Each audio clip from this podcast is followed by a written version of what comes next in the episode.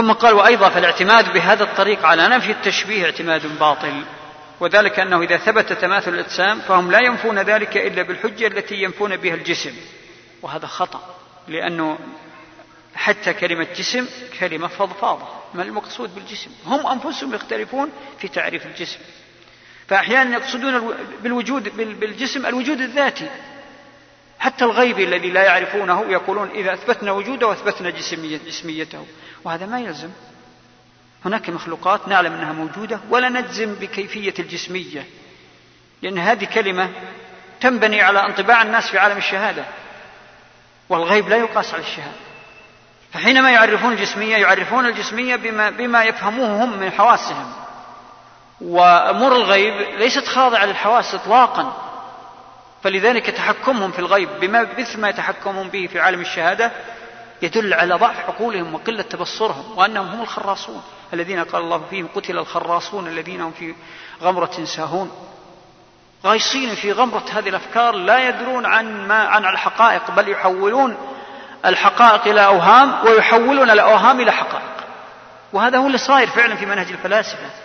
يحولون الحقائق الأوهام. وصل الأمر إلى عند كثير من الفلاسفة إلى التشكيك في الموجود حتى أن بعضهم يشكك في وجوده بنفسه لأنه يعني سرح خياله ثم جزموا بوجود خيالاتهم.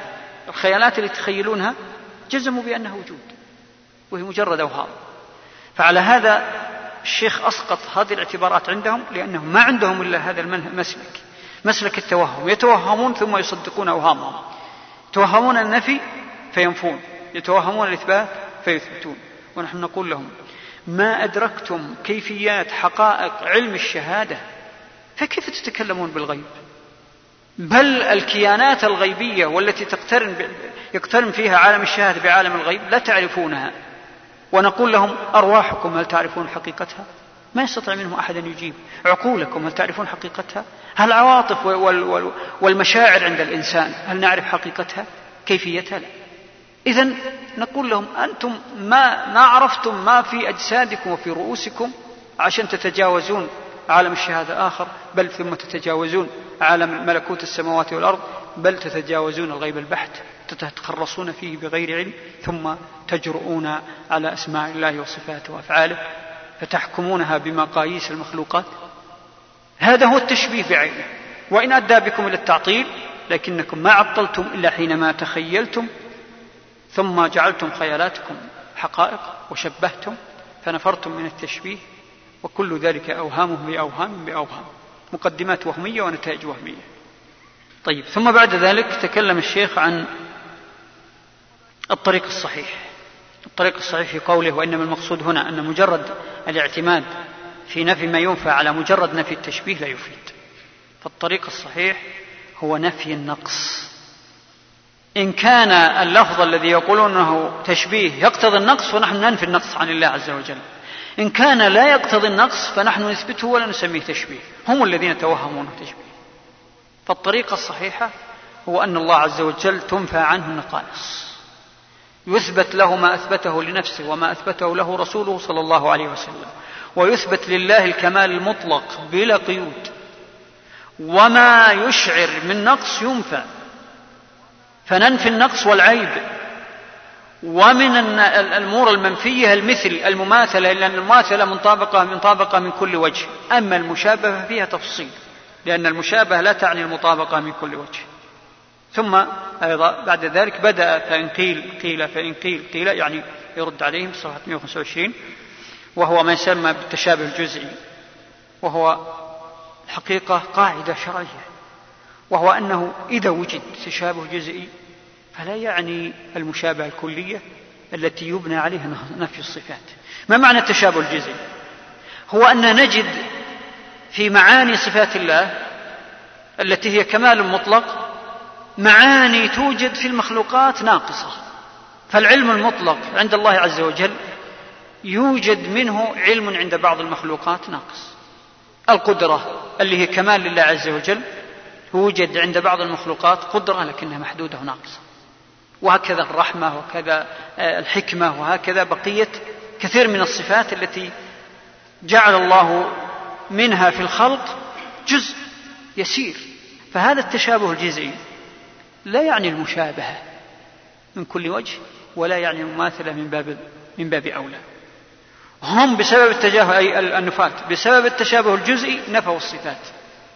لأنهم ما أدركوا أن التشابه الجزئي ليس استنقاصا لله لأنه كله موهبة من الله عز وجل. فالصفات التي جعل الله منها في خلقه هذه موهبة من الله عز وجل. ولذلك جعل الله من رحمته في قلوب العباد. رحمة. لكنها لا تمثل شيئا إزاء رحمة الله عز وجل. هي جزء يسير. وهكذا بقية الكلام. آه، بعد ذلك تكلم عن القدر المشترك الذي اشترك فيه صفة كمال. يقول فإذا كان القدر المشترك الذي اشترك فيه صفة كمال يعني بالله لله عز وجل كالوجود والحياة والعلم والقدرة. وكل صفات الله صفات كمال. فإنها إذا أطلقت على الله عز وجل لم يكن في ذلك أي هذا الإطلاق ما يدل على شيء من خصائص المخلوقين. بل ما من عاقل يقترن في ذهنه أن هناك وجوه تقارب بين الخالق والمخلوق.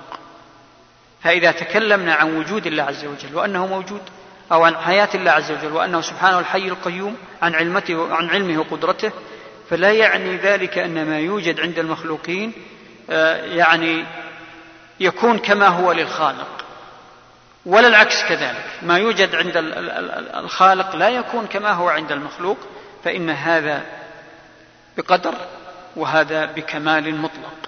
قال ولهذا وهذه مسألة مهمة بعدها مباشرة المقطع التالي. قال ولهذا لما اطلع الأئمة على أن هذا هو حقيقة قول الجهمية سموهم معطلة. ما هو هذا؟ دعواهم أن أي إثبات لأي صفة لله يقتضي المشابهة حتى صفة الوجود. فلذلك نفوا عن الله عز وجل هؤلاء الغلاة. نفوا جميع الأسماء والصفات. قالوا لأنها تشعر بالمشابهة. طبعا ربما يكون هذا من باب الإلزام. يعني هم ألزموا بذلك لأنهم وضعوا القاعدة. قد يكونون فصلوا أو لا فصلوا أو ما فصلوا الله أعلم. السلف ما نقلوا عنهم تفصيل إنما نقلوا عنهم هذا المبدأ والمبدأ هدام وهو مبدأ نفي الاشتراك حتى اللفظي. ونفي الاشتراك يقتضي نفي جميع الاسماء وصفات الله عز وجل لأنه لا يمكن أن يخلو الأمر من اشتراك لفظي. يقول إن السلف لما أدركوا هذه القاعدة عند الجهمية وهي قاعدة نفي أي مشاركة بين الخالق والمخلوق حتى وإن كانت لفظية أدركوا أنهم معطلة وسموهم بذلك. ولذلك قال وكان الجهم ينكر أن يسمى الله أن يسمى الله شيئا لأن هذا يلزمه بإثبات الوجود. والوجود لابد أن يتضمن الصفات.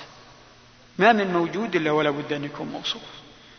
ولذلك هو يرى الحلول كما أثر عنه حينما خرج من خلوته التي خلا به الشيطان فيها وخرج إلى الإلحاد الكامل. يقول أنه خرج من خلوته وقال هو ذا في, في الهواء هو ذا في كل شيء. يعني الله عز وجل تعالى الله عما يقول. يقول وربما قالت بعض الجهمية هو شيء لك الأشياء. نعم قد يكون هذا منه وجه حق ومنه وجه باطل. هو شيء لك الأشياء نعم. لكن لك الأشياء يعني بمعنى لا يوصف ولا يسمى هذا باطل. فإذا نفى, نفى القدر المشترك مطلقا لزم أو نفي القدر المشترك مطلقا لزم التعطيل التام. آه ثم بعد ذلك تكلم عن معنى المشترك الكلي. وهذه مسألة كثير ما ينخدع بها يعني المتأثرين بمناهج الفلاسفة. وقد أشكلت على كثير من المتكلمين وهي من اسم المعضلات التي جعلتهم يخوضون فيما لا يعلمون. وهو أن الاشتراك يقتضي نفي أي علاقة علاقة مشاركة الاشتراك اللي هو الاشتباه. ولذلك منهم من نفى الأسماء والصفات كلها ومنهم من نفى الصفات ومنهم من أول الصفات لوجود ما يسمونه الاشتراك. الشيخ يقول إن الاشتراك الكلي المطلق الذي به علقوا أحكام واقعية وهو ليس بواقع هذا الاشتراك الذي في الأذهان هو اشتراك خيال خيالي. يكون الاشتراك الكلي في الأذهان وليس في الواقع. إذا طبقته في الواقع لم يعد اشتراك. ولنأخذ مثلا صفة الوجود. هذا هذه كلمة عندما نطلقها كلمة كلية. ما خصصنا بها شيء. الوجود. أي وجود؟ كلمة كلية. الشيخ يقول هذه الكلمة في الأذهان. ما خرجت إلى الواقع. عندما نقول الوجود وجود الكون خصصنا الصفة هنا. فخصصنا الوجود بالكون فعرفنا أنها قيدت بشيء. الوجود الوجود الإنساني. خصصنا الوجود بالوجود الإنساني. فلما خصصت صارت واقع. أما قبل أن تخصص فهي في الذهن فقط. وما دامت في الذهن يقول لماذا ترتبون عليه أحكام لماذا تعتبرون الوجود قاسم مشترك وهو في الذهن؟ مع أننا إذا خصصناه لم يعد قاسم مشترك. إذا خصصنا الوجود صرفناه إلى الخالق عز وجل فهو وجود يخصه وهو الكمال. إذا أضفنا الوجود للمخلوق فهو وجود يخصه وهو النقص. فالشيخ يحاكمهم إلى أنهم فعلا تخيلوا خيالات وبنوا عليها أحكام.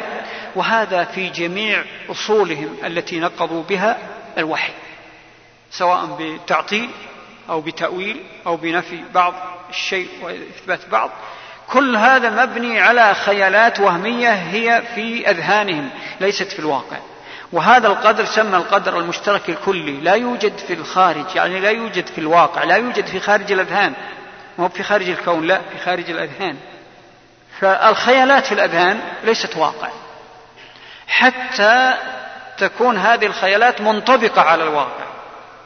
كذلك الأوصاف ليست واقع. حتى ننسبها إلى موصوف.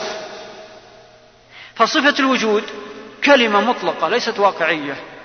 فإذا نسبناها إلى موصوف أصبحت واقعية. إذا قلنا الإنسان موجود إذا نسبنا هذا الوجود لمن؟ للإنسان فأصبح واقع. إذا قلنا الله عز وجل موجود فهذا وجود خصصناه بالخالق عز وجل فهو الوجود المطلق الوجود الكامل. لا مطلق الوجود. آه، هذه من الأشياء اللي استطاع الشيخ رحمه الله في درء التعارض وفي بيان تلبيس الجهمية أن يعني يوقعهم أو يحشرهم في طريق مسدودة لم يستطيعوا أن يتجاوزوا ولذلك هذا الأمر ولذلك ما رد عليه أحد من أهل الكلام إلى يومنا هذا. إلى يومنا هذا ما أحد رد على شيخ الإسلام في هذه القضايا. إلى فيما أعرف إلى يومنا هذا. في مسألة تحكيمهم أو يعني الحكم عليهم من قواعدهم ومن أصولهم التي يقولون بها. يقول حتى أصولكم تناقض ما تقولونه. فمنها مسألة الوجود الكلي أو الوجود الذهني أو الوجود العام أو الوجود المطلق أو الوصف المطلق. يقول أنتم الآن تحاكمون على أشياء ما لها واقع فإذا صارت واقع هنا حكمنا بالخصائص وخصائص الخالق عز وجل غير خصائص المخلوق. يقول أن معنى اشتراك الموجودات في أمر من الأمور هو تشابهها في ذلك الوجه من ذلك الوجه وأن ذلك المعنى العام يطلق على هذا وعلى هذا. المعنى العام إذا خصصناه أطلق على هذا وعلى هذا لأن الموجودات في الخارج يشارك أحدها الآخر في شيء موجود فيه يعني في الخارج يعني في خارج الذهن. بل كل موجود متميز عن غيره بذاته وصفاته وأفعاله. لأن الموجودات في الخارج يشارك أحدها ويجوز النفي أيضا. لكن جاء بها على طريق الإثبات. أحدها الآخر في شيء موجود فيه. يعني بمعنى إذا قلنا إن كلمة الوجود كلمة في الذهن في الخارج فإذا خصصناها صارت في الواقع. فإن الموجودات في الواقع بينها اشتراك جزئي. هذا الاشتراك الجزئي لا يعني المماثلة من كل وجه. يعني المجابهة المشابهة من بعض الوجوه. وهذه المشابهة لا تقتضي نقص في أحد الطرفين. هذا مؤدى أو مفهوم أكثر كلام التالي وهو يدور حول هذه النقطة. آه، الوجود المطلق هو الوجود الذي لا ينتهي ولا يبتدي مثل وجود الله. أما مطلق الوجود فهو الذي في الأذهان المتخيل. كأن نقول كلمة الوجود. الوجود هذه مطلق الوجود. لكن وجود الله هو الوجود المطلق. الذي لا ابتداء له ولا انتهاء. وهو الذي وصف الله عز وجل بقوله هو الأول الذي ليس قبله شيء. آه، وصف النبي صلى الله عليه وسلم بأن الأول الذي ليس قبله شيء والآخر الذي ليس بعده شيء. فهذا الوجود المطلق. أما مطلق الوجود فهو المتخيل المتصور. وهذا ينطبق على الوجود وعلى الحياة وعلى كثير من الصفات العامة. إذا قلنا الحياة أي حياة؟ ما ما ندري. حتى تقيد حتى تتعلق بمتعلقها الحياة الله عز وجل هي القيومية التي لا نهاية لها. والحياة بالنسبة للمخلوق حياة موقوتة. يعتريها الضعف والنقصان والنقص والفناء وجميع عوارض الخلل. إذا عدم فهم هذا المعنى هو هذا ما قرره الشيخ في صفحة 128 المقطع الثاني. عدم فهم هذا المعنى هو الذي تسبب في الغلط غلط منهجي تسبب في وجود التعطيل للأسماء والصفات أو للصفات فقط وتسبب بما تفرع عن التعطيل وهو التأويل. والتأويل أخطر من التعطيل من أغلب الوجوه على الخلق. يعني على المسلمين بالذات التأويل أخطر من التعطيل مع أن التعطيل كفر. فلماذا يكون التأويل أخطر؟ أنا أسأل هذا السؤال أرجو من أحد الأخوة أن يجيب. نعم.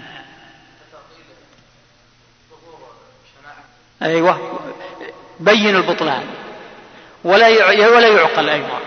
أيوة أحسنت. بينما التأويل لا التأويل في تلبيس. يلتبس الإنسان. لأنه مثلا جاك واحد يقول أنا أنفي لله الاستواء على العرش. قد تستنكر الأول وهلة لكن يلبس عليك ويقول أنا أنفي أن يكون الله عز وجل يحتاج إلى العرش ويجلس عليه وهذا هو الاستواء. فعلا يلتبس على الجاهل فيقول يا أخي أنا, أنا ما أنفي لكني أؤول وأقول استوى استولى لأن الاستواء غير لائق بالله ويقتضي المشابهة. هذا يلبس. لكن لو قال أنفي الاستواء نفيا مطلقا ما أحد يقره. لا أحد يقر لا عاقل يقر النفي المطلق في حق الله عز وجل. حتى المشرك والكافر لا تستطيع أن, أن, أن يعني تقنعه في النفي المطلق الذي يقتضي النقص المطلق في حق الله عز وجل. لكن التأويل لا التأويل يلبس. ولذلك التأويل فعلا هو أخطر على الأمة. ما أحد من الأمة يعني وقع على شك بشكل يعني خطير مثل ما وقع المؤولة في خطر. أعني أتباع المؤولة هم الأكثرية الآن من المسلمين. بينما التعطيل نجده في نوازع من البشر. يعني حالات شاذة من بعض شواذ الناس. هم اللي عندهم تعطيل. أما التأويل فهو يعني سائر بين الناس ويمشي على العوام ويمشي على صغار طلبة العلم الذين ما نشأوا في بيئة السنة يمشي عليهم تماما وكأنه هو الحق لأن في تلبيس. طيب كان بد أن نخلص هذه المقاطع لكن نقف على الفصل صفحة 152 32 أيضا نلخصه آه، في درس قادم إن شاء الله من أجل أن ننتقل إلى القاعدة السادسة ونقرأها قراءة إن شاء الله. نعم. كيف كيف؟ أنت معك نسخة المحققة صفحة كم؟ إي نعم. شو يقول؟ إيه هذا إن شاء الله سيأتي له شرح في مجال لأنه سيأتي في الفصل التالي. فأتركه لأنه هنا جاء بمعرض مسألة فيها محارات. فإن شاء الله سأشرحه في درس قادم. التواطؤ أو الاشتراك اللفظي والتواطؤ والمواطأة والتشكيك هذه لا تعني التواطؤ المعروف عند علماء الأصول وعلماء اللغة. تعني معنى آخر عند المتكلمين وكذلك التشكيك. فلذلك إن شاء الله نشرحها في الدرس القادم. أرجو أني ما أنسى السلام عليكم ورحمة الله وبركاته. الحمد لله حمدا كثيرا طيبا مباركا فيه. كما ينبغي لجلال وجهه وعظيم سلطانه. وأشهد أن لا إله إلا الله وحده لا شريك له وأشهد أن نبينا محمدا عبده ورسوله صلى الله عليه وسلم وعلى آله ورضي الله عن صحابته والتابعين ومن تبعهم بإحسان إلى يوم الدين وبعد. بعون الله وتوفيقه نستأنف درس باستعراض بعض الأسئلة كالمعتاد. عندي سؤالان متشابهان ويظهر أنه سؤال مكرر كأن صاحبه ظن أن الأول أهمل. لأن الصياغة واحدة والموضوع واحد. يقول أهل السنة يقولون أن الجمع بين الضدين مستحيل لذاته. ثم قال مثل خلق مثله وتحريك وسكون الشيء في وقت واحد. ويقول من يخالفهم يلزمكم على هذه القاعدة أن تنفوا علو الله على خلقه ونزوله إلى السماء الدنيا. ولا يكون فوقه شيء من خلقه ولا محيطا به شيء كذا عبارته من مخلوقاته لأن هذا جمع بين الضدين. بل هذا الإلزام صحيح وكيف الرد عليهم؟ أولا مثل هذه الأمور لا ينبغي الخوض فيها لأنها محارات ومتاهات ولأن هذه المصطلحات مما يكثر فيها الغلط والوهم ويكثر عليها الاختلاف. نعم قد تكون العبارة في بعض الأمور صحيحة من حيث أنها من بدهيات العقل لكن لوازمها وتطبيق هذه القواعد على أمور الغيب هذا هو الذي يكون مزلة ويدخل في المحارات. فالجمع بين الضدين لا شك إنه مستحيل. لكن كثير من الفلاسفة والمتكلمين ومن دونهم قد يدخلون في الأضداد ما ليس منها. قد يفرعون عن هذه القواعد ما لا يدخل فيها. قد يضعون مقدمات بعضها غير صحيح فتكون نتائجها غير صحيحة. وقد يضعون مقدمات صحيحة لكن نتائجها ليست مطابقة لأصل المقدمات. وكونهم جعلوا الاستواء والنزول يدخل في هذه الأمور في المتضادات هذا توهم منهم. فإننا عندنا نقول أن الله عز وجل مستوى على عرشه وينزل تبارك وتعالى كما يليق بجلاله إلى السماء الدنيا وينزل كما هو وارد في نصوص في النصوص على فعل له يليق بجلاله متعدد الوجوه ورد على وجوه كثيرة في الزمان وفي الأحوال. فهذا النزول ثابت قطعا بقطعيات النصوص ويلزم إثباته. لكن اللوازم التي قالوا بها في النزول لوازم وهمية. فأهل السنة لا يزيدون عن إثبات ما جاء في النصوص القطعية من أن الله عز وجل مستوى على عرشه وأنه سبحانه ينزل كما يليق تبارك وتعالى كما تواردت بذلك النصوص القطعية. لوازم هذا غير لازمة. يعني هم يقولون أنه يلزم من النزول إخلاء العرش. نقول لكم من قال هذا؟ هذا لا, لا يمكن أن يكون يعني آه، لا يمكن أن يكون داخل في الأضداد من ناحية ولا يمكن التحكم في, تصوره من ناحية أخرى. فالله عز وجل ينزل كما يليق بجلاله. ولا يجوز لنا أن نتعدى ذلك. وما ورد عن بعض السلف أو ما أثر عن بعض السلف من ذكر بعض اللوازم مسألة الإخلاء وعدم الإخلاء هذا كله اجتهادات ليست قطعية ولا تلزم جمهور السلف. اجتهادات من أفراد السلف. أحيانا يقولوا بها يقولون بها أو يقول بها أحد أفرادهم من باب يعني رد باطل على وجه آخر فيبالغ أو يقول بما يتوهم ويتصور وليست عقيدته ملزمة للسلف الصالح وإن كان من أفراد السلف ومن علماء الأمة. وقد يخطئ وقد يجتهد فلا يكون اجتهاده موافق للقاعدة الشرعية. أهل السنة والجماعة لا يلتزمون هذه القاعدة من ضرورة القول بالإخلاء إذا كان النزول إخلاء العرش إذا كان النزول. هذا أمر غيب خالص. هذا لو كان في أمر مخلوق لكان من الغيب الذي نتورع أن نخوض فيه. فكيف وهو في حق الله عز وجل الذي ليس كمثله شيء؟ اذا هذا كل كله أوهام أي هذه التصورات والاعتراضات أوهام على أوهام. مقدماتها أوهام ونتائجها أوهام. فما علينا إلا أن نثبت. وما نثبته في حق الله عز وجل أمور لا يحيلها العقل. لا يحيلها العقل. واللوازم التي ألزموا بها باطلة. إن كانت اللوازم تستلزم النقص فهي باطلة. وإن كانت لا تستلزم النقص فهي قد ترد. فإن دل ما فإن جاء ما يدل على هذه اللوازم أثبتناه. مثل أن نقول من لوازم قوله عز وجل بل يداه مبسوطتان من لوازمها أن الله كريم وأنه سبحانه غني وأنه قادر وأنه هو الرزاق. هذه لوازم نلتزمها لأنها الحق كمال. لكن اللوازم الأخرى من التشبيه والتجسيم والإخلاء وغير ذلك مما قالوا به هذه كلها لوازم باطلة ولا يستطيعون أن يحجوننا بها حتى ولو قلنا بقاعدة الجمع بين الضدين. لأنه الاستواء الله عز وجل على عرشه ونزوله كما يليق بجلاله ليس من باب الأضداد. أبدا على أي وجه من الوجوه. إنما هم توهموا أوهام فألزمونا بأوهامهم وأوهامهم لا تلزمنا. التدمرية وصلنا إلى طبعا أخذت أو أجملنا الكلام عن فصل من الفصول. في القاعدة السادسة واليوم نجمل أو نقرأ الفصل الذي يليه لأنه سهل. وصلنا وين؟ القاعدة السادسة. وصلنا المفروض أن نبدأ الآن من صفحة 132 لكن قبل أن نبدأ كان ورد سؤال عن عبارتين مهمتين. يكثر استعمالهما خاصة من شيخ الإسلام ابن تيمية في رده على مثل هذه الأوهام التي التي ينفون بها الصفات أو ومثلها ما ورد في السؤال قبل قليل من أنه يعتبرون إثبات الاستواء وإثبات النزول جمع بين النقيضين الشيخ أورد صفحة 129 كلمة مقول بالاشتراك اللفظي أو المتواطئ. قال في العبارة ولكثرة الاشتباه في هذا المقام يعني مقام الغلط والتناقض في استعمال الصلاحات والعبارات والقواعد. وقعت الشبهة, وقعت الشبهة في أن وجود الرب عز وجل هو عين هل هو عين ماهيته أو زائد عن ماهيته؟ هذا كله ضرب من الأوهام. وهل لفظ الوجود مقول بالاشتراك اللفظي أو المتواطئ أو التشكيك؟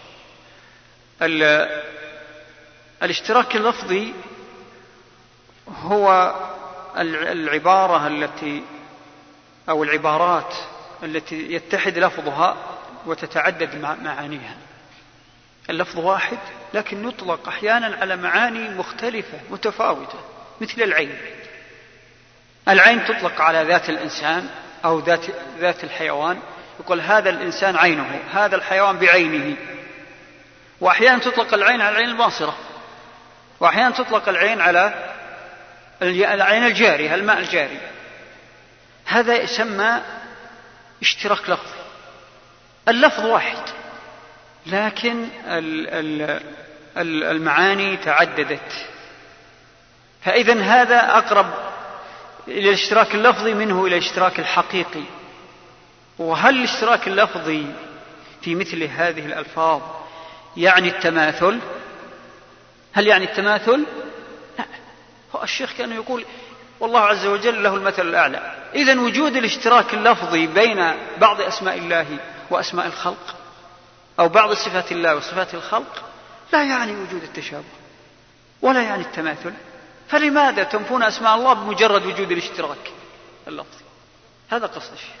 أما التواطؤ فهو يعني أقرب أو أخص. التواطؤ هو أن توجد اللفظة آه، يعني يعني تتفق اللفظة مع كثير من معانيها. أو يجمع اللفظة جنس واحد متقارب كالإنسان. الإنسان يطلق على جنس لكن هذا الإنسان قد يكون ذكر وقد يكون أنثى قد يكون صغير وقد يكون كبير قد يكون عاقل وقد يكون مجنون. لكن مع ذلك يعني اللفظة متقاربة معانيها. ليس هناك بعد مثل العين أو مثل الأسد. إذا أطلق على إنسان اسمه أسد اسمه سماه أبوه وأمه أسد. وبين أسد الحيوان. أو إطلاق الذهب قد يطلق الذهب على المعدن وقد يطلب على الشيء العزيز الثمين. يقول والله ما شاء الله فلان كلامه من ذهب. هل معناته أنه, أنه يتلفظ ذهب يوزن؟ لا. لكن الثاني لا التواطؤ هو أن يوجد شيء من التقارب في المعاني مع اتحاد اللفظ كالإنسان. الإنسان أو الحيوان يقال حيوان. الحيوان كل حي يسمى حيوان. لكن لا يسمى الجدار حيوان. و فهو جنس وإن اختلفت بعض معانيه. الإنسان مثلا جنس واحد وإن اختلفت بعض معانيه. فإذا الاشتراك اللفظي هو وجود لفظ متطابق في الحروف لكن تختلف معانيه اختلاف كبير. أما التواطؤ فهو أن يوجد لفظ يطلق على جنس وهذا الجنس تتنوع مفرداته تنوع غير بعيد عن الأصل. أما التشكيك فالذي يجمع بين هذا وذاك يعني يكون لفظ مشكك.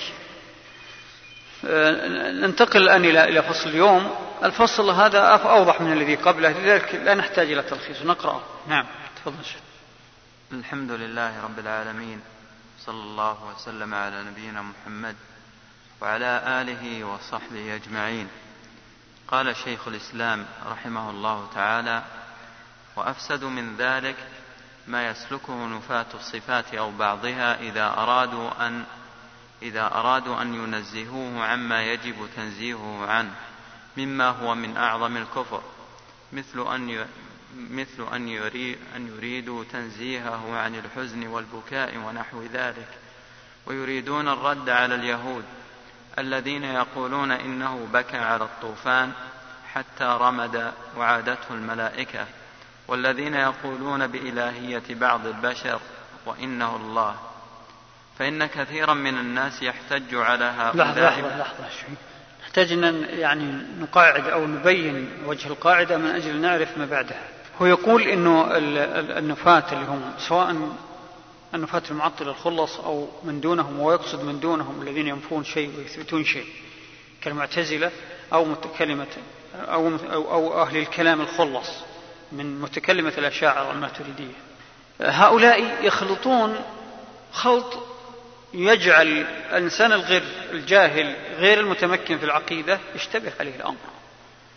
فهم يخلطون بين النقص الخالص وبين ما يشعر بالنقص من وجه عند السامع دون إضافة اللفظ. فإذا أضيف اللفظ زال الإشكال. إذا أضيف اللفظ إلى الموصوف زال الإشكال. أو كان السياق يدل على الكمال. هناك ألفاظ هي نقص بحت مثل الحزن والبكاء والأكل والشرب. هذه تنفى عن الله عز وجل لأن ليس لها وجه من الحق وليس ولا تحتمل معنى من المعاني الذي يكون فيه كمال. بعكس ما أثبته الله لنفسه من بعض الأمور التي لو أفردت لكان فيها وجه نقص. لكن لما جاءت في سياق يدل على الكمال كانت كمال. مثل ويمكرون ويمكر الله. جاءت في مقابل إيش؟ المجازاه فهل هذا نقص؟ المكر الذي هو بمعنى المجازات لهم بحق على عملهم الذي استحقوه. هذا ليس نقص. هذا من باب العدل ومن باب المجازاه لكن هم جعلوا هذا مثل ذاك. جعلوا النقص الخالص مثل العبارة التي قد تشعر النقص إذا جاءت في سياق لكنها في سياق آخر لا تدل على النقص إنما تدل على الكمال. فهم خلطوا بين هذا وذاك. قال وأفسد من ذلك ما يسلك نفاذ الصفات وبعضها إذا أرادوا أن ينزهوا عما يجب تنزيهه عنه مما هو من أعظم الكفر مثل ما أن يريدوا تنزيهه عن الحزن والبكاء ونحو ذلك.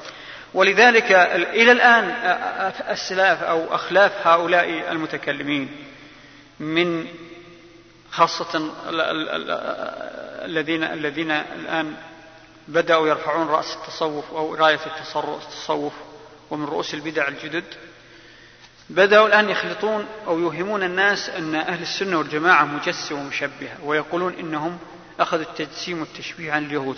صدرت في هذا كتب. ويزعمون أن عقيدة أهل السنة والجماعة هي امتداد لعقيدة اليهود. إيش يقولون؟ يقولون أهل السنة والجماعة يثبتون لله عز وجل اليد والعين والحزن والبكاء.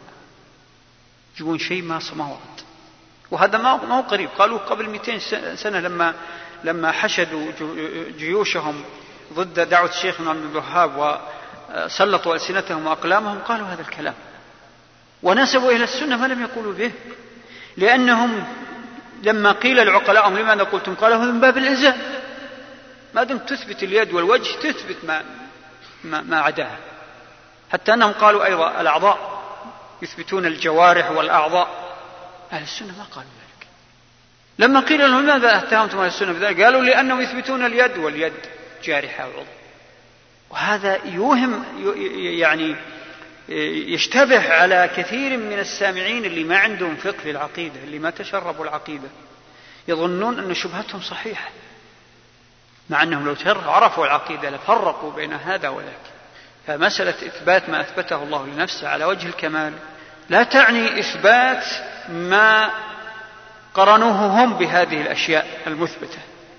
فهم جعلوا مع إثبات الوجه واليد إثبات جوارح أخرى لم يثبتوها السلف ولم يقولوا بها. فلما قيل لهم لماذا؟ قالوا يلزمهم. من قال يلزمهم؟ لازم المذهب ليس بلازم. وهذا أيضا ومثل ذلك الكلام عن الحزن والبكاء. فلما نفوا الحزن والبكاء وهو لا يليق بالله عز وجل فعلا نفوا ما يظن إنه مثله من الرحمة وغير ذلك من الصفات التي أحيانا أو الغضب أو نحو ذلك التي يظنون أنها من شاكلة الحزن والبكاء. فخلطوا بين الحق والباطل لبسوا الحق بالباطل. فأراد الشيخ هنا أن يبين وجه الخطأ عندهم ووجه الباطل الذي التزموه أو أرادوا أن يلزموا به أهل الحق بغير حق. نعم. فإن كثيرا من الناس يحتج على هؤلاء بنفي التجسيم والتحيز ونحو ذلك. ويقولون لو اتصف بهذه النقائص لو اتصف بهذه النقائص والآفات لكان جسما أو متحيزا وذلك ممتنع. وبسلوكهم مثل هذه الطريق استظهر عليهم هؤلاء الملاحدة نفاة الأسماء والصفات فإن هذه الطريقة لا يحصل بها المقصود لوجوه. طبعا يقول إن أهل الكلام الذين يعني ما نفوا الأسماء وأثبتوا بعض الصفات ونفوا بعض إذا استعملوا هذه الطريقة ألزمهم الذين هم أشد غلوا في النفي الملاحدة يعني الجهمية وغلاة المعتزلة الذين ينفون الأسماء والصفات أو ينفون الصفات. سماهم ملاحدة لا لأنه يعني أعيانهم لكن لأن منهجهم هو منهج الملاحدة. منهجهم هو منهج الملاحدة لأن الملاحدة هم الذين ينفون النفي المطلق. فيقول إنهم استظهروا عليهم بمعنى انتصروا عليهم وقالوا أنتم إذا كنتم تقولون هذا فمعنى هذا أيضا حتى الصفات التي تصفون بها الله ينطبق عليها هذا الكلام. هم أي أهل الكلام لما قالوا ننفي اليد والوجه والاستواء والنزول لأنها لا تليق بجلاله بجلال الله عز وجل. ولكن نثبت السمع والبصر. قال لهم المعتزلة نفاة الصفات ما أثبتتم في ما أثبتموه مثل ما نفيتموه. فوجه التجسيم والتشبيه كما أنه موجود في اليد والعين موجود في السمع والبصر.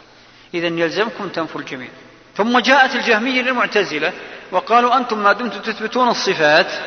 فمعنى هذا أنكم أثبتتم التجسيم لأن الصفات لا بد لها موصوف له ذات وإذا وجد له ذات فهذا التجسيم إذا أنتم أي المعتزلة مجسمة.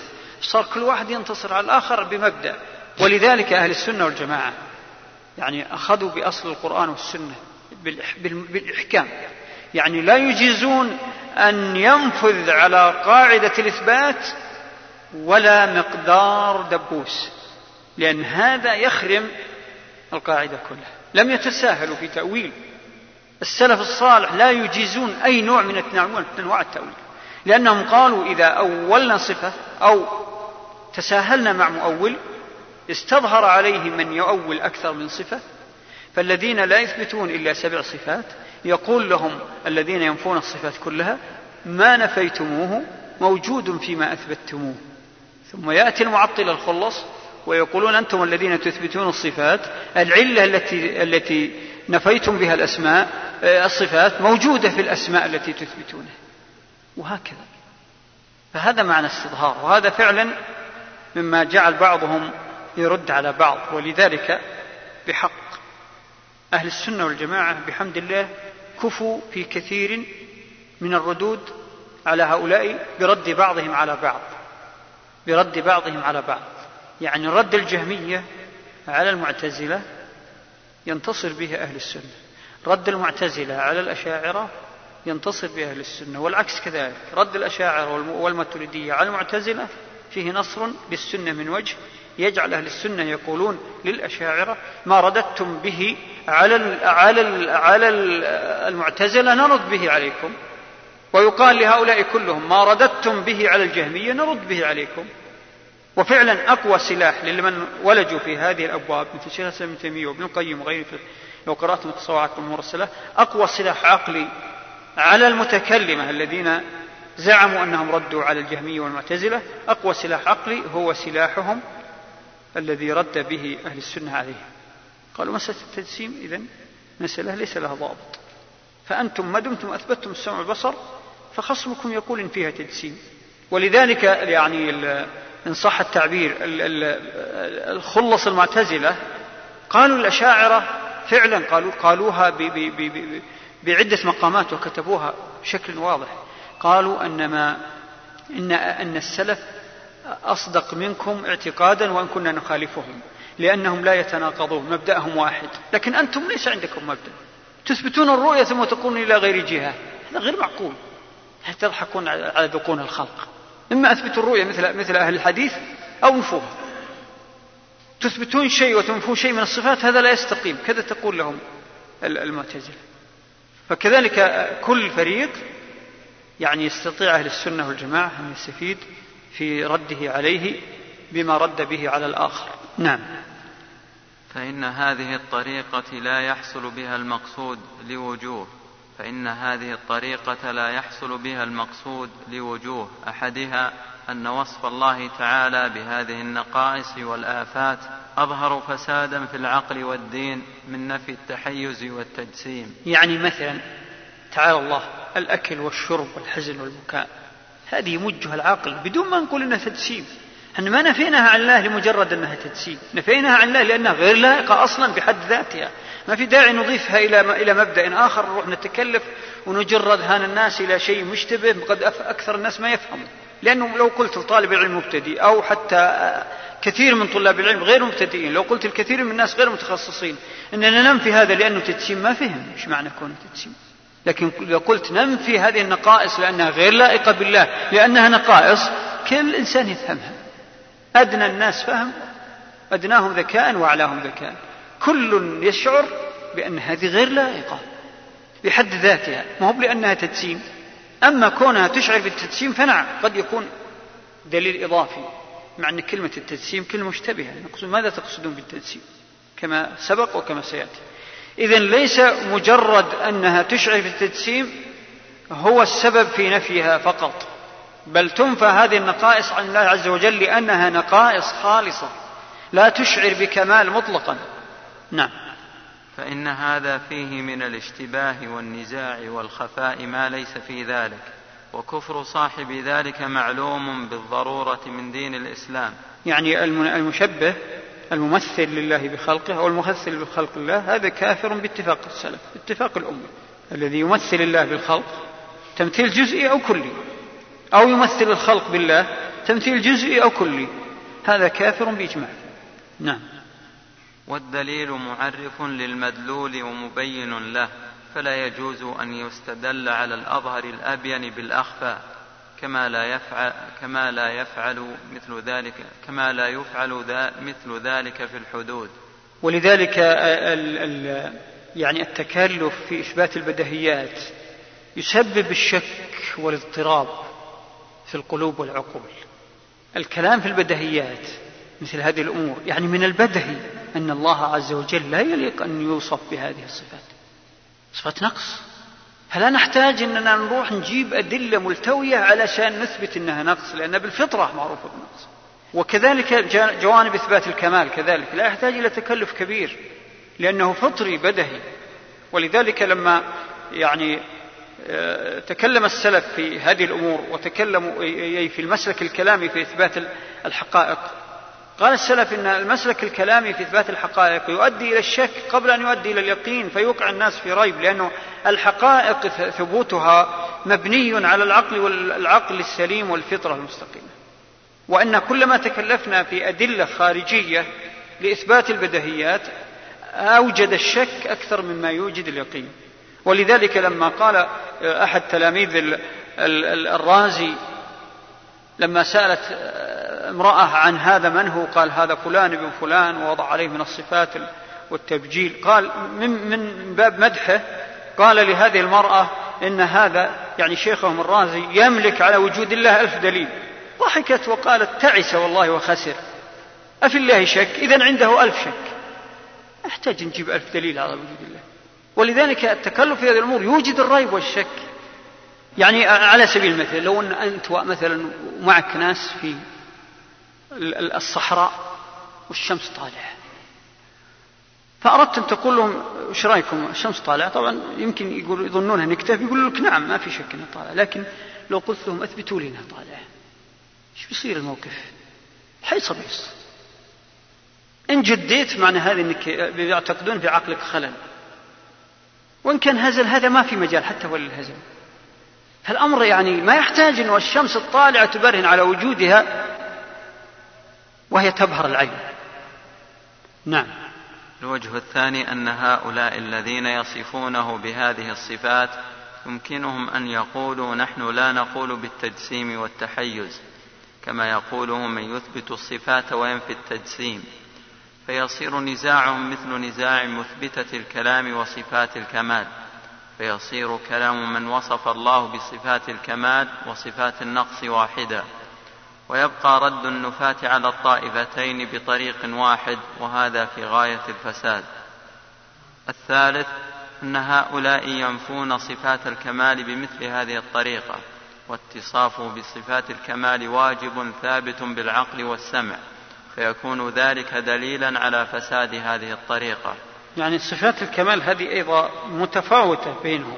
فالجهمية ينفون كل صفات الكمال بدعوى أنها تقتضي التجسيم والمعتزلة يثبتون يعني الصفات بدعوى أنها تقتضي التجسيم وكذلك فهؤلاء ينفون هؤلاء بمختلف النفي اللي عنده نفي جزئي أو نفي مثلا يعني كثير أو نفي كلي كلهم قاعدتهم واحدة.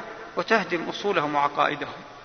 لأنهم يصفون يصفون ينفون صفات الكمال بدعوى أنها تجسيم. وكل واحد منهم يقول للآخر أنت جسمت فيما أثبت. حتى لا يبقى إثبات. يعني كلمة التجسيم هذه كلمة وهمية. معي؟ أرجو أن تتصوروها وهمية. لكن كيف يقولون في حق الله أنه تجسيم؟ الله عز وجل ليس كمثله شيء.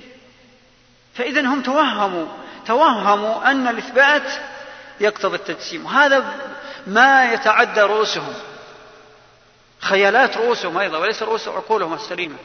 كلمة توهمهم أن الإثبات تجسيم بمختلف طبقاتهم سواء من ينفي نفي جزئي أو نفي كلي ما التجسيم إلا وهم في رؤوسهم ما تعداها وهم خيال لا حقيقة له.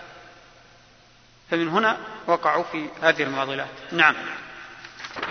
الرابع أن سالكي هذه الطريقة متناقضون فكل من أثبت شيئا منهم ألزمه الآخر بما يوافقه فيه من الإثبات كما أن كل من نفى شيئا منهم ألزمه الآخر بما يوافقه فيه من النفي. وأهل السنة بحمد الله يلزمونهم جميعا بالحق. يلزمونهم بالحق. نعم. فمثبتة الصفات كالحياة والعلم والقدرة والكلام والسمع والبصر. هؤلاء متكلمة الأشاعر الماتريدية طبعا بعضهم يزيد مثلا. وهذا هذا دليل دليل يعني الخذلان في مثل هذه الأمور. طبعا آه، خذلان المنهج للأفراد. الأفراد قد يكون فيهم من هو عنده اجتهاد يؤجر عليه لكنه أخطأ. لكن خذلان دليل دليل دليل اضطراب المنهج. أنهم في الوقت الذي لا يثبتون فيه إلا هذه السبع صفات يعني مثل ما تريدية وينفون ما ثبت من الصفات الأخرى بالقرآن والسنة أتوا من عندي بصفة اسمها التكوين. يثبتون ثمان صفات. طيب نقول لهم منين جبتوا التكوين؟ إحنا أثبتتم ما ثبت؟ أنا نفيتم ما ثبت لله عز وجل؟ وجبتوا لنا صفة لا أصل لها. يسمونها التكوين. ولذلك الماتريدية يثبتون ثمان صفات. والأشاعرة يثبتون هذه السبع. هي السبع هنا الحياة والعلم والقدرة والكلام والسمع والبصر ها؟ اي اي نعم. لا هي على حال سبع. يثبتون سبع. فالشاعرة يعني كما جاء في بعض المقابلات اللي أشكلت على كثير من طلاب العلم في الآونة الأخيرة وبعض المشايخ قال أن الأشاعرة يثبتون كذا صفة عشرين أو أكثر. نعم الأشاعرة وحتى الماتريدية يتفاوتون. منهم من يثبت أكثر من السبع. المشاعر وأكثر من الثمان عند الماتريدية. منهم من يثبت ثلاث عشرة صفة ومنهم من يثبت عشرين صفة ومنهم من يثبت ثنتين وعشرين صفة. ومنهم من يثبت عموم الصفات وهو من الأشاعر الماتريدية لكن يتأول بعض الصفات خاصة الصفات الفعلية. لكن الكلام على المنهج العام لا على حال الأفراد أو بعض المدارس والاتجاهات فيهم. فليس كل الأشاعرة لا يثبتون إلا هذه الصفات وليس كل الماتريدية لا يثبتون إلا هذه الصفات. نعم. أي نعم.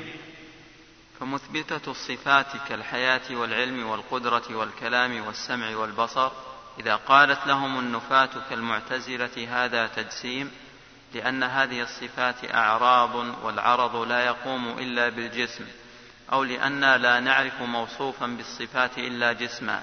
قالت لهم المثبتة وأنتم قد قلتم إنه حي عليم قدير وقلتم ليس بجسم وأنتم لا تعلمون موجودا حيا عالما قادرا إلا جسما فقد أثبتموه على خلاف ما علمتم فكذلك نحن. وقالوا لهم أنتم أثبتتم حيا عالما قادرا بلا حياة ولا علم ولا قدرة. وهذا تناقض يعلم بضرورة العقل. سبحان الله ما مسكين هذا الإنسان. فعلا مسكين هذا الإنسان. المشكلة الغالب من يقعون في هذه الأمور. أناس يظنون هذا من وجوه الاحتساب وتعظيم الله عز وجل وتنزيهه. لكن لما عولوا على عقولهم وتشربوا مذاهب الفلاسفة وظنوا أن فيها شيء من أصول التنزيه واغتروا بذكائهم وقعوا فيما وقعوا فيه. ولو سلموا لله عز وجل وسلموا لكتابه ولما صح عن رسوله صلى الله عليه وسلم ولو التزموا سبيل المؤمنين وفوضوا علم ما لم يعلموا إلى عالمه سبحانه وهذا ما يجب أن يكون لما وقعوا في مثل هذه المعضلات. كيف يجرؤ إنسان يقول إن الله حي بلا حياة؟ أو عليم بلا علم؟ أو سميع بلا سمع؟ أو قدير بلا قدرة؟ كيف يجرؤ؟ يعني بنى وهدم. ما بنى؟ بنى كمال. ثم هدم هذا الكمال. ولذلك الشيخ يعني يناقشهم أحيانا بالبدهيات يقول هذا تناقض يعلم بضرورة العقل. هل يعقل؟ هل يعقل أن يكون عليم بلا علم؟ ما يعقل. لكن لماذا التزموها؟ طبعا شبهات داخل الشيطان. لأنهم إذا أثبتوا العلم أثبتوا تعدد الصفات أثبتوا الصفة. وتعدد الصفات لا بد أن يكون دليل على موصوف له وجود حقيقي ذاتي. وهم يهربون من الوجود الحقيقي الذاتي. يثبتون معاني فقط. لكن إذا إذا انتقلت هذه المعاني إلى الأفعال انتقلت هذه المعاني إلى صفات فالصفات لا بد أن تكون دليل على موصوف والأفعال لا بد أن تكون خارجة من فاعل. وهذا يدل على ثبوت وجود حقيقي ذاتي لله عز وجل وهم يهربون من ذلك. وسبق أن كررت إن معضلة هؤلاء كلهم ابتداء من الفلاسفة. ثم من دونهم من المتكلمين ثم من دونهم من وقع في التأويل. عقدتهم أنهم لا يثبتون لله وجودا حقيقيا ذاتيا يرون وجود الله وجود معنوي اعتباري. ولذلك قالوا الاستواء هو الاستيلاء. ولذلك قالوا أن النزول هو نزول الرحمة.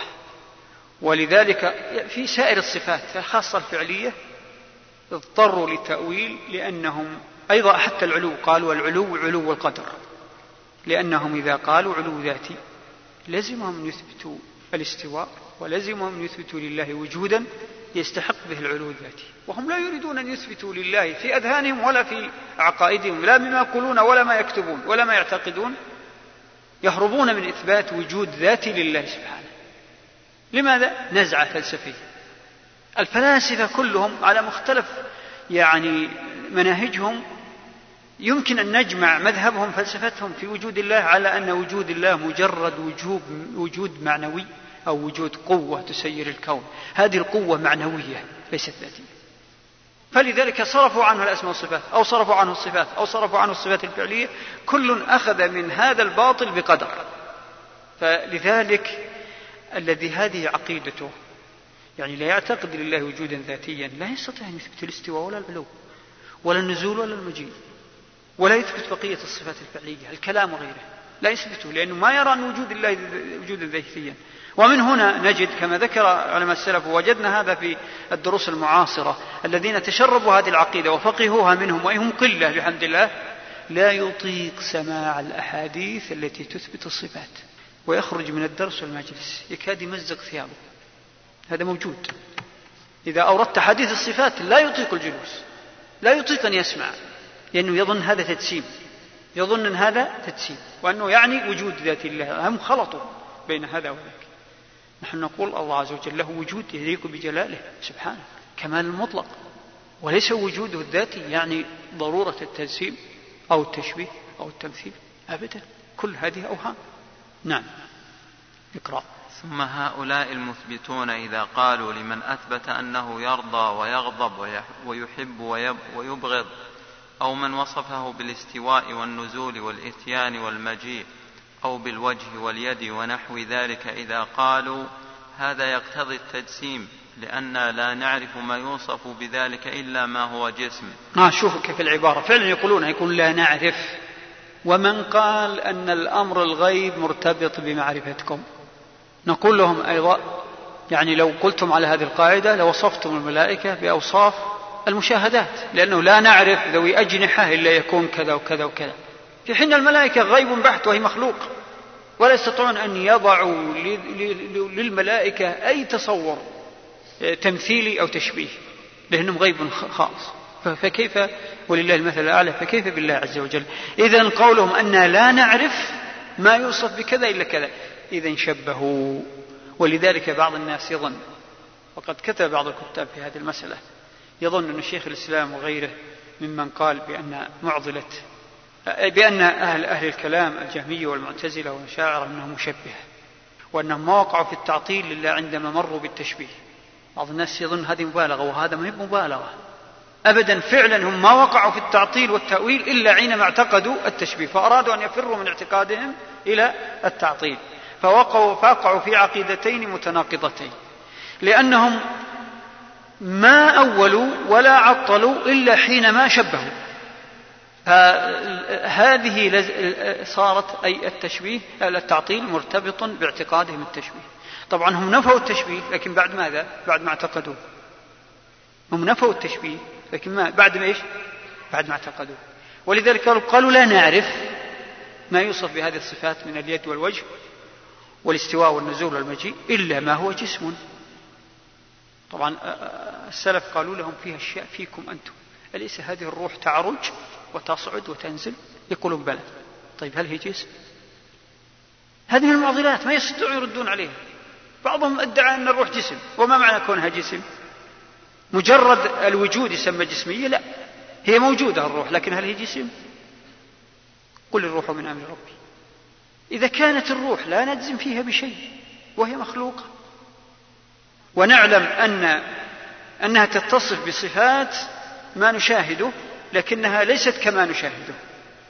لأن الله عز وجل نفى العلم بها. ولو كانت الروح مثل ما نشاهده من الأجسام لما نفى العلم بها. يعني بحقيقتها بكيفيتها. نعم.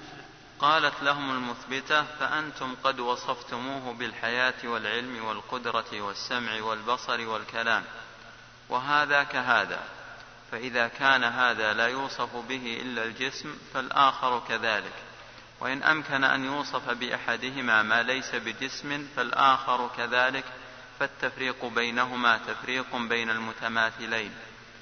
ولهذا لما كان الرد على من وصف الله تعالى بالنقائص بهذه الطريق طريقا فاسدا لم يسلكه أحد من السلف والأئمة فلم ينطق أحد منهم في حق الله بالجسم لا نفيا ولا إثباتا ولا بالجوهر والتحيز ونحو ذلك لأنها عبارات مجملة لا تحق حقا ولا تبطل باطلا.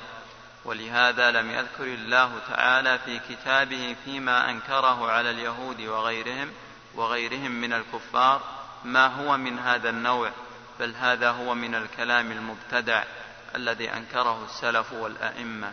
نعم أحسنت. على حال مما ينبغي التنبيه له في هذا المقام اللي يتكلم فيه الشيخ من الحقائق التي لا مرية فيها وهي وجود واقع موجود لا نحتاج أن نتكلم فيه. أنهم أيضا الذين احتجوا في نفس الصفات بمثل هذه الأمور. التجسيم أو التشبيه أو المماثلة أو النقائض أو غيرها أو غيرها هم أنفسهم لا يتفقون على تحديد هذه المصطلحات. لا يتفقون على الجسمية هذه ما يتفقون على معنى الجسمية ما هي. إذا كيف يعني يتفقون على النفي وهم ما اتفقوا على العلة التي نفوا بها؟ لكن الشيطان سواهم. المعاني التي بها هدموا العقيدة لا يتفقون عليها. ما عندهم اتفاق بل خاصة كبارهم يعني يعتدي بعضهم على بعض ويسب بعضهم بعضا يوالون ويعادون على مفاهيمهم الخاصة حول هذه المصطلحات. فهذا ناقض مهم جدا ونرجو ألا يتعرض طالب العلم هذا اليوم في مثل هذه الأمور لكن نظرا للدرس متخصص نحب ننبه على الأساسيات أنهم هذه الأمور التي نقضوا بها العقيدة هم لا يتفقون عليها. فنقول روحوا اتفقوا أولا على هذه المعاني علشان تحدد وتكون مرجع وبعد ذلك نجد إن شاء الله من القواعد الشرعية والعقلية ما يهدمها.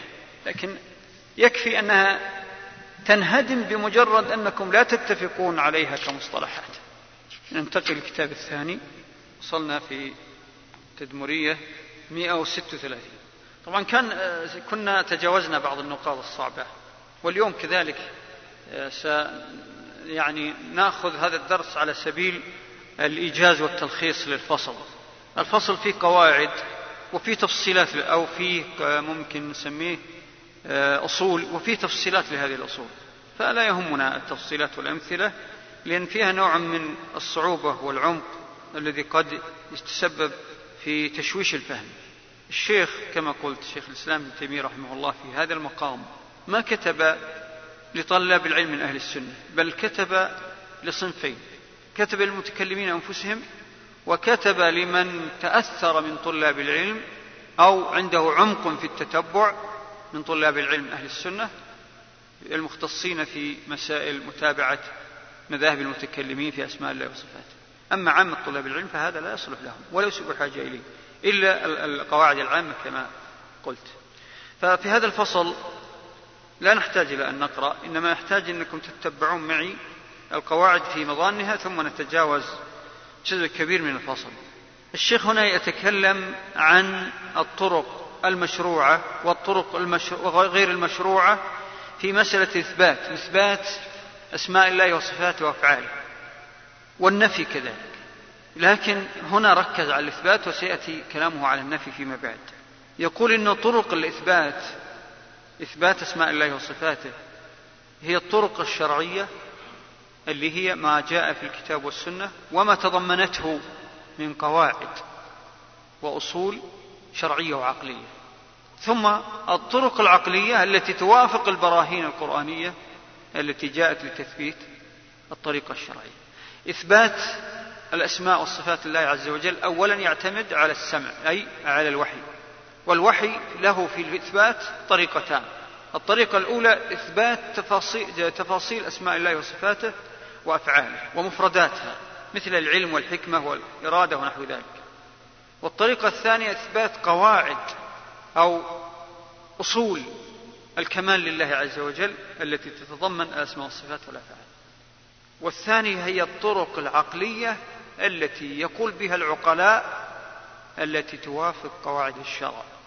هناك طرق عقلية قد تكون ما وردت في الكتاب والسنة لكنها طرق صحيحة للصبر والاستقراء وبالتمعن وبالتدبر وبأيضا آه، صريح العقل السليم والفطرة.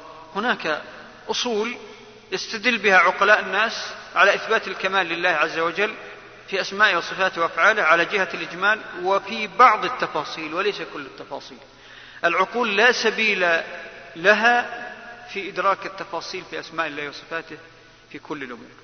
فهي العقول السليمة تدرك الإجماليات وبعض الأمثلة على التفاصيل التي توافق الشرع. هذا ما أراد الشيخ أن يقوله في أول هذا الفصل. يقول أما في طرق الإثبات فمعلوم أيضا أن المثبت لا يكفي في إثباته مجرد نفي التشبيه. يشير هنا إلى طريقة المتكلمين من الجهمية والمعتزلة وآخره فلا أو غيرهم أيضا حتى أهل السنة الذين يقولون نثبت كل شيء بدعوى قصد المنتسبين لأهل السنة. يعني هناك من أخطأ من منتسبين لأهل السنة كما أخطأت المشبهة. فيثبتون بزعمهم كل صفات ترد مع نفي التشبيه حتى ما لا يليق. ولذلك تكلموا في الأعضاء والأفعال غير اللائقة في حق الله فقالوا نثبتها وهي لم ترد في الكتاب والسنة وتنفر منها العقول السليمة فقالوا نثبتها من غير تشبيه. كل شيء يثبتونه من غير تشبيه ويظنون أن كلمة من غير تشبيه تنفي النقص عن الله وهذا غير مسلم له فالفريقان كل, كل منهما نقول له مجرد نفي التشبيه لا يكفي.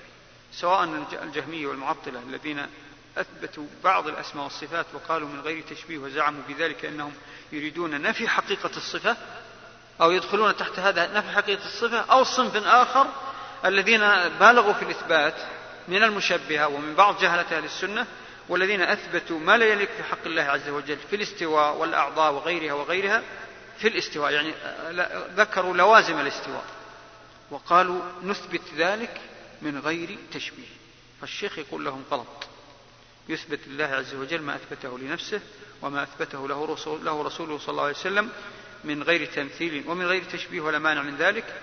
لكن أيضا بهذا الإثبات إذا أخرجناه عن نصوص الكتب من السنة فلا نثبت إلا ما يقتضي الكمال. وقل صحيح أنه من الكمالات ما نعبر عنه بألسنتنا قد لم يرد في الكتاب والسنة لكنه كمال لا غبار عليه. فهذا يثبت لله عز وجل. أما تفصيلات الأسماء والصفات والأفعال فلا تثبت على وجه يشعر بالنقص لله عز وجل إلا ما ثبت في الكتاب. ولذلك الشيخ ضرب أمثلة بالبكاء والحزن والجوع والعطش وبعضهم حينما ذكر حديث جعت فلم تطع يا عبدي فلم تطعمني إلى آخره تعالى الله عني يثبت لذلك على هذا النحو مع أن مثل هذا السياق جاء صراحة من غير تأويل تعبيرا عن حاجة عبادة الذين يحتاجون إلى إطعام. واضح من السياق مثل أيضا الحديث الهرولة الصحيح والراجح أنه لا يقال هرولة من غير تشبيه. لا يصح. حديث الهرولة مرتبط بأفعال العباد ولذلك تفسيره ليس غيبي. من أتاني ماشيا أتيته هرولة. في الحديث الصحيح لا يجوز أن يقول قائل نثبت الهرولة من غير تشبيه. لا يقال الله أعلم بمراده ونثبت اللازم الظاهر من النص من ولا يعد هذا تأويل لأن التأويل يتعلق بالغيب البحت. أما أمر مربوط بعالم الشهادة مربوط بمجازات العباد ربطا مباشرا من غير تأويل ولا مجاز ولا ولا ولا يعني استعارة ولا نحو ذلك فهذا يعتبر حقيقة تفسير حقيقي للنص. أنه تعبير عن مجازات العبد. لأن نعلم أن الإنسان لا يعبد الله بالمشي علشان يجازى بالهرولة أليس كذلك؟ ليس المشي في حد ذاته عبادة إنما من أتاني ماشيا يعني سائرا على ما شرع الله من العبادات والواجبات والفرائض فإن الله يجازيه بأعظم مما فعل. فعبر عن هذا بالمشي وعبر عن هذا بالهرولة هذا نص فريد مثله نص الملل عند بعض العلم مثله نصوص يعني جاءت في سياق عالم الشهادة. وجاءت في سياق المجازات وليست غيبية خالصة.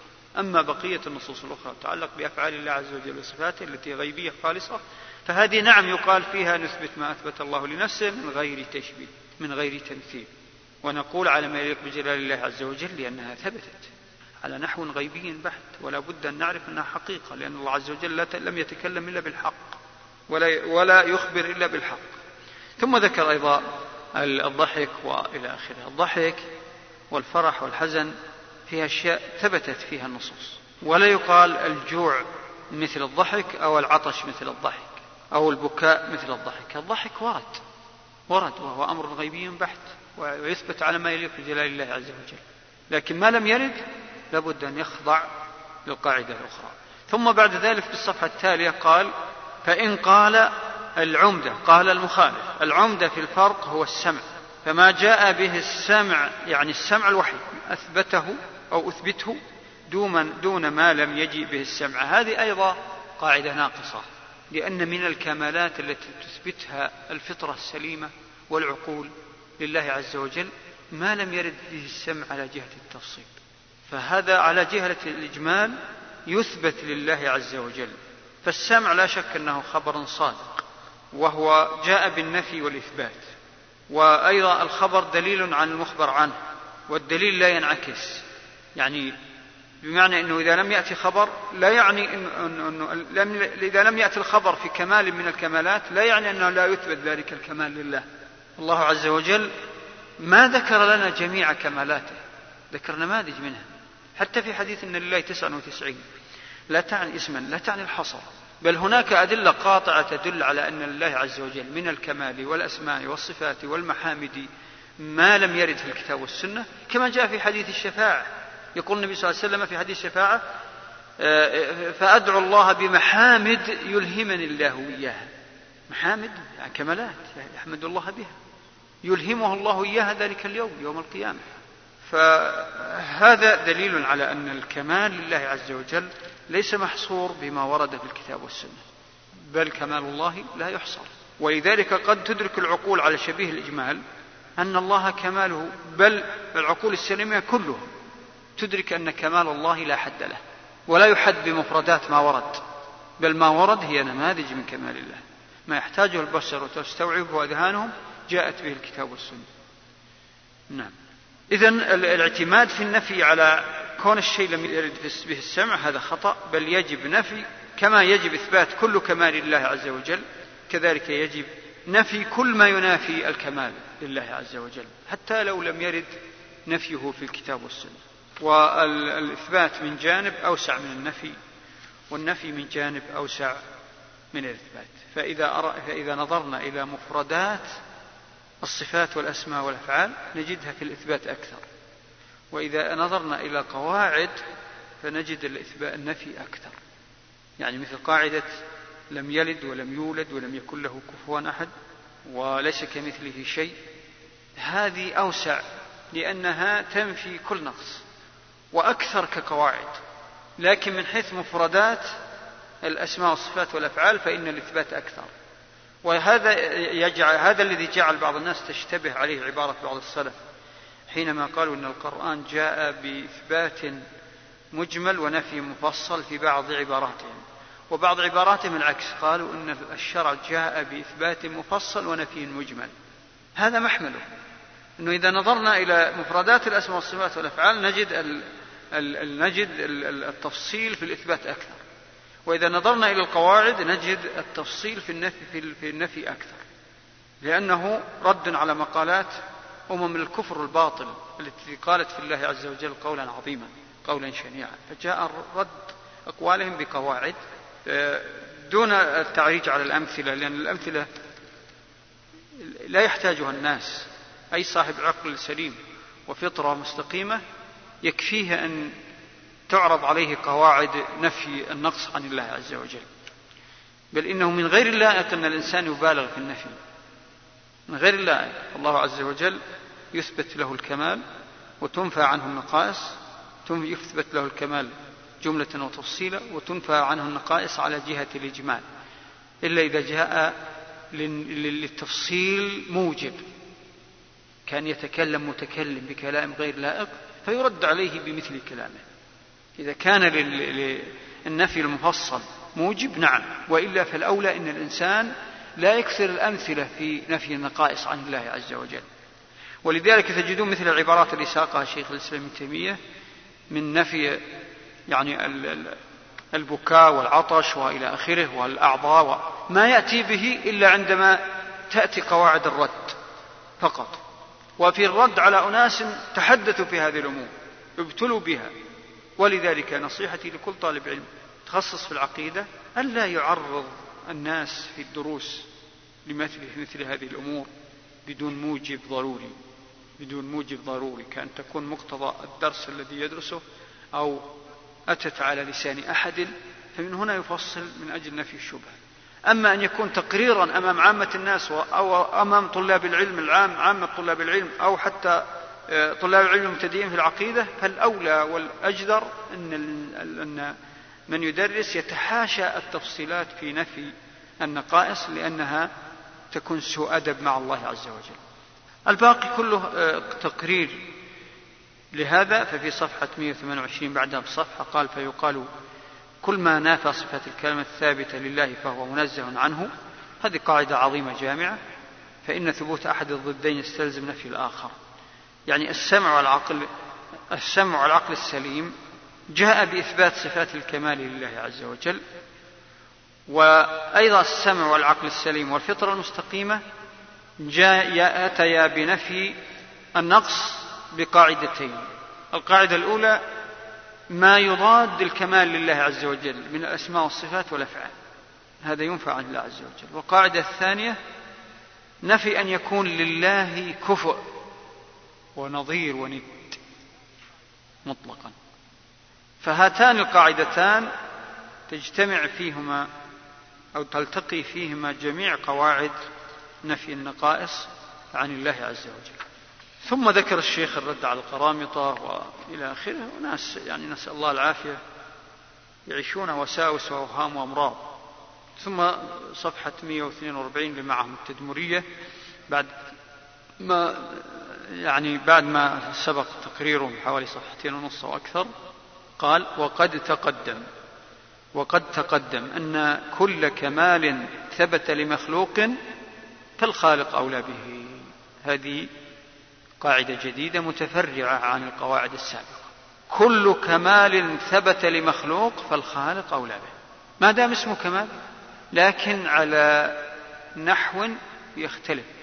فالكمال الذي ثبت للمخلوق كمال نسبي محدود يعتريه الضعف والنقص والفناء والخلل. تعتريه عوارض النقص. كل كمال للمخلوق لا بد أن تعتريه عوارض النقص. وتاج ذلك كله الفناء. يقضي على كل قدرات المخلوق وكمالاته. فيفنى. والعكس كذلك. فالله عز وجل له الكمال المطلق الذي لا يعتريه نقص هذه القاعدة تنطبق على ما يسمى بالمفردات والجزئيات. فإذا قلنا أن الله عز وجل ثبت له العلم ومن البشر من أعطاه الله علما على وجه الكمال بين البشر. أكمل الناس علما من هم الأنبياء؟ أكمل الأنبياء علما وأكمل البشر علما من هو؟ النبي صلى الله عليه وسلم. ومع ذلك علمه محدود. فالله لم يطلعه على من العلم إلا الشيء اليسير. بعكس ما تدعي أصحاب الطرق والفرق والأهواء. فالنبي صلى الله عليه وسلم ليس عنده مما هو من علم الله إلا ما علمه الله إياه ولا يطلع من أمر الغيب إلا ما أطلعه الله عليه. فإذا علمه محدود مع أنه يقال أكمل الخلق علما. هذا الكمال هذا العلم يثبت لله على صفة الكمال ويثبت المخلوقين على صفة ما يناسبهم وكذلك الحكمة والإرادة إلى آخره. فهي كمالات. والله عز وجل يكمل بها بعض خلقه لكنه كمال نسبي. أما الكمال المطلق في جميع هذه الأمور وغيرها فهو لله سبحانه. قال وقد تقدم أن كل كمال ثبت لمخلوق فالخالق أولى به. وكل نقص تنزه عنه مخلوق فالخالق أولى بتنزيهه عن ذلك سواء ورد بالسمع يعني بالوحي أو لم يرد لأن الناس يحدثون من المقالات ومن الأوهام ومن الخيالات ومن الألفاظ ما قد لم يرد في الكتاب والسنة لكن قواعده قواعد رد الباطل موجودة في الكتاب والسنة في مثل قوله عز وجل لم يلد ولم يولد ولم يكن له كفوا أحد. قواعد حاكمة. لا يفلت منها أي تصور أو عبارة ترد عن البشر. كلها ترد إلى هذه القواعد. فالخالق كل ما نزه عنه المخلوق فالخالق أولى بتنزيه ذلك والسمع قد نفى ذلك في غير موضع كقوله الله الصمد الصمد الذي لا جوف له ولا يأكل ولا يشرب. وهذه السورة هي نسب الرحمن كما أورد الحديث. وهي الأصل الذي الأصل في هذا الباب. يعني أصل التعبير كما ذكر المحقق هنا أنه أخرج الإمام أحمد في مسنده والترمذي في جامعه وابن خزيمة في كتاب التوحيد والبيهقي في الأسماء والصفات وغيرهم آه، عن أنس عن أبي العالية عن الربيع عن إلى آخر سند معروف عن كعب أن المشركين قالوا للنبي صلى الله عليه وسلم يا محمد انسب لنا ربك فأنزل الله تبارك وتعالى قل هو الله أحد. يعني لا يعني النسب هنا نسب التوارث إنما هو التعريف بالرب عز وجل. هذا معنى انسب ربك يعني صف ربك. طيب ثم بعد ذلك تكلم عن تفصيلات لسنا بحاجة إليها وأمثلة مر مثلها. بل الأولى ألا نتعمق في مثل هذه الأمور لأن الشيخ رد بها على أناس ابتلوا بالوساوس نسأل الله العافية وابتلوا بالأوهام وزبالات أفكار الفلاسفة وكلها زبالات. ليس عند الفلاسفة إلا الخيالات. ثم في آخر قبل القاعدة السابعة قال نتيجة هذه القاعدة وليس المقصود هنا استيفاء ما يثبت له أي لله عز وجل وما ينزه عنه. واستيفاء طرق ذلك لأن هذا مبسوط في غير هذا الموضع. يعني على هذه على هذا التفصيل في الشيخ يشير إلى مواضع أخرى مثل الكتاب درء التعارض فصل فيه الشيخ هذه المسألة. بمئات الصفحات وأيضا مثل منهاج السنة بشكل أقل وأيضا في مواضع أخرى في رسائل مفردة في الفتاوى نفسها سيأتي ربما قراءة بعضها. آه، يقول وإنما المقصود هنا التنبيه على جوامع ذلك وطرقه. جوامع تقرير هذه الأمور بالأصول الشرعية وبالنصوص وتقرير هذه الأمور بالقواعد العقلية السليمة قواعد الفطرة نفيا وإثباتا. ثم قال وما سكت عنه السمع نفيا وإثباتا ولم يكن في العقل ما يثبته ولا ينفيه سكتنا عنه. ما سكت عنه السمع نفيا وإثباتا ولم يكن في العقل يقصد العقل السليم. وإلا فكل صاحب عقل مخلط يستطيع أن يقول أن عقله يقول ويقول. إنما العقل السليم. ولم يكن في العقل ما يثبته ولا ينفيه سكتنا عنه فلا نثبته ولا ننفيه فنثبت ما علمنا ثبوته وننفي ما علمنا نفيه. ونسكت عما لا نعلم نفيه ولا إثباته. والله سبحانه وتعالى أعلم. هذه قاعدة عظيمة وسليمة ومن التزمها سلم دينه وسلمت عقيدته. ما ذكرته حول حديث من أتاني يمشي أتيته هرولة نريد مزيد بيان وتوضيح شرحها. وهل هناك قاعدة تضبط فيها مثل هذه هذه النصوص؟ نعم الأحاديث التي جاءت في مسألة ربط أفعال الله بأفعال العباد. على سبيل المجازاة أو المشاكلة أو نحو ذلك هذه مفسرة بنصها. ولا يجوز في غالبها أن نثبت منها صفات لأنها جاءت على وجه فسر به النص. فضربت لهذا مثال بالهرولة وبالملل ونحو ذلك. الله لا يمل حتى تملوا. ليس المقصود بالملل عند الله الملل الذي عند البشر. فالملل عند البشر صفة نقص. لكن الملل هنا جاء على سبيل المجازات. لكن هذه القاعدة هل تحكم بها الصفات الغيبية البحتة الأخرى؟ لا لأنها تخرجها عن حقائقها بينما هذه التي وردت في سياق المجازات هذه حقيقتها. يفهمها كل عاقل حتى العامي. يفهم أن قوله عز وجل من أتاني ماشيا. أتيته هرولة يفهم أنها حث على الطاعة. يفهمها بسيط جدا في فهمه. فليست متعلقة بإثبات الصفة إنما متعلقة بإثبات الجزاء لأنها ربطت آه، بالمخلوق. وكذلك ما يتعلق بوصف الكعبة وما يتعلق بنسبة البيت الله عز وجل نسبة الناقة بيت الله ناقة الله. لا يعني أن نقول نصف. الله عز وجل بهذه الصفات. صفات إضافة. لا لأنه جاءت على سبيل التكريم والتشريف. بيت الله ليس معناها ما يفهم. لكن لماذا فسرنا بهذا التفسير؟ لأنها ربطت بعالم الشهادة. البيت الله إذا كان المقصود به الكعبة عرفنا ما معنى كون بيت الله. الناقة لماذا أيضا قيل ناقة الله ناقة صالح؟ لأنها أيضا الله عز وجل جعلها محك امتحان واختبار لأولئك القوم وأعطاها ميزات وخصائص فكرمها وميزها. فجاء الاختصاص على سبيل التشريف والتكريم.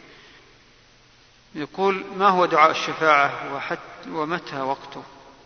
دعاء الشفاعة. النبي صلى الله عليه وسلم يقصد الذين أشرت إليه. هذا جاء في حديث الشفاعة الكبرى العظمى للنبي صلى الله عليه وسلم وحديث طويل ذكر فيه ما يحدث للأمم يوم القيامة للبشر من الحشر. الطويل وأنهم يستشفعون بمن يشفع لهم أمام الله عز وجل لفصل القضاء بينهم وأنهم يأتون لآدم ثم لنوح إلى أن يمروا بأولي العزم ثم يقول آه، عيسى عليه السلام اذهبوا إلى محمد صلى الله عليه وسلم فإنه عبد قد غفر الله له ما تقدم من ذنبه ما تأخر فيأتون إليه صلى الله عليه وسلم فيقول أنا لها. فيشفع ويدعو عند الله يدعو تحت العرش يسجد طويلا ويدعو دعاء ذكر فيه أنه يلهمه الله بمحامد يدعو الله بها. وأيضا يدل عليه بدلالة أوضح قول النبي صلى الله عليه وسلم في الدعاء اللهم أني أسألك بكل اسم هو لك سميت به نفسك أنزلته في كتابك أو علمته أحدا من خلقك أو استأثرت في علم الغيب عندك. من أسماء الله ما استأثر فيه في علم الغيب. اذا فليس ما ورد في الكتاب والسنة يحصر أسماء الله ولا يعقل أن يقال أنه يحصر. أسماء الله عز وجل لا حصر لها من حيث الكمال والعد. نعم. لا نزال في القاعدة السادسة من قواعد الصفات في التدمرية ضمن المجلد الثالث من الفتاوى. وقد وصلنا إلى آخر القاعدة وبعد ذلك ننتقل إلى القاعدة السابعة. أقول أنه في آخر القاعدة ما أشرت وأشار الشيخ قلت لكم أن ما في داعي نقرأ بعض الكلام لأنه عبارة عن يعني آه، ردود على أناس ابتلوا ونحن بحمد الله في عافية من هذا الأمر. ابتلوا بمناهج المتكلمين أصالة أو تبعا فلذلك نختصر الموضوع. هو قرر أن السمع والعقل يثبتان لله عز وجل صفات الكمال وينفيان عنه ما يضاد صفات الكمال وينفيان أن يكون له كفء أو مثل وهذا سبق تقريره. ثم في آخر الكلام ذكر النصوص قال في آخر المقطع قبل يمكن صفحتين من نهاية القاعدة السادسة أنا عندي في صفحة 142 تدمرية المحققة للسعوي يقول قد تقدم أن كل ما أن كل كمال ثبت لمخلوق فالخالق أولى به. هذه قاعدة عظيمة لكن أيضا هذه قاعدة إجمالية قاعدة إجمالية. تفصيلها ما سبق وما سيلحق. أيضا وكل نقص تنزه عنه مخلوق فالخالق أولى بتنزيهه عن ذلك. والسمع يعني أن الوحي. قد نفى ذلك في غير موضع كقوله الله الصمد. هذا تقرير الصمدية التي تنفي الحالة حالة النقص من الحاجة للأكل والشرب أو أن له جوف إلى آخره لأن الصمد وصف كمال يدل على الغنى الكامل وعدم الحاجة والصمد الذي تصمد إليه الخلائق والذي لا جوف له ولا يأكل ولا يشرب إلى آخره. ولذلك قال هذه السورة هي نسب الرحمن يعني صفته. آه، سبق أن قررنا هذا. ثم ذكر أمثلة على ما يليق ما لا يليق بالله عز وجل وهذه أمثلة آه، في الحقيقة أنها توحش إيرادها يوحش آه، لأنه من غير اللائق أن تقال. لكن الشيخ أراد الرد على أناس ابتلوا صاحب وساوس وابتلاء وليس على أصحاب الفطرة السليمة أو شباب أهل السنة. ولذلك من الحكمة وأظنه من المناسب أن نتجاوز هذا وننتقل إلى القاعدة السابعة. اقرأ. بسم الله الرحمن الرحيم. الحمد لله رب العالمين والصلاة والسلام على نبينا محمد وعلى آله وصحبه أجمعين. اللهم اغفر لنا ولشيخنا يا رب العالمين. قال شيخ الإسلام ابن تيمية رحمه الله تعالى القاعدة السابعة أن يقال إن كثيرا مما دل عليه السمع يعلم بالعقل أيضا والقرآن يبين ما يستدل به العقل ويرشد إليه وينبه عليه كما ذكر الله ذلك في غير موضع. فإنه سبحانه وتعالى بين من الآيات الدالة عليه وعلى وحدانيته وقدرته وعلمه وغير ذلك ما أرشد العباد إليه ودلهم عليه كما بين أيضا ما دل على نبوة أنبيائه وما دل على المعاد وإمكانه. نعم. في في هذه العبارات إشارات لا بد من يعني التنويه عنها. قوله أن يقال إن كثيرا مما دل عليه السامع يعلم بالعقل أيضا. هذه في الحقيقة مهمة. قوله كثيرا هذه عبارة مقصود. مقصودة هو تقريرها هو من الفوارق بين أهل السنة وبين كثير من أهل الأهواء. هو أن ليس كل ما دل عليه السامع يعلم بالعقل. أهل الأهواء قد وأهل الكلام خاصة يفرحون بمثل هذه العبارة. لكن حينما يقول إن كثيرا فهذا يعني أنه ليس كل. بل هناك من من تفاصيل الكمال لله عز وجل في ذاته وأسمائه وصفاته وأفعاله ما جاء ذكره في القرآن وصحيح السنة لا يمكن أن يتوصل إليه العقل ولا ينفرد به ولا ينفرد بها الاستواء على العرش. لا يمكن أن يقرره العقل على النحو الذي جاء في القرآن والسنة. النزول المجيء.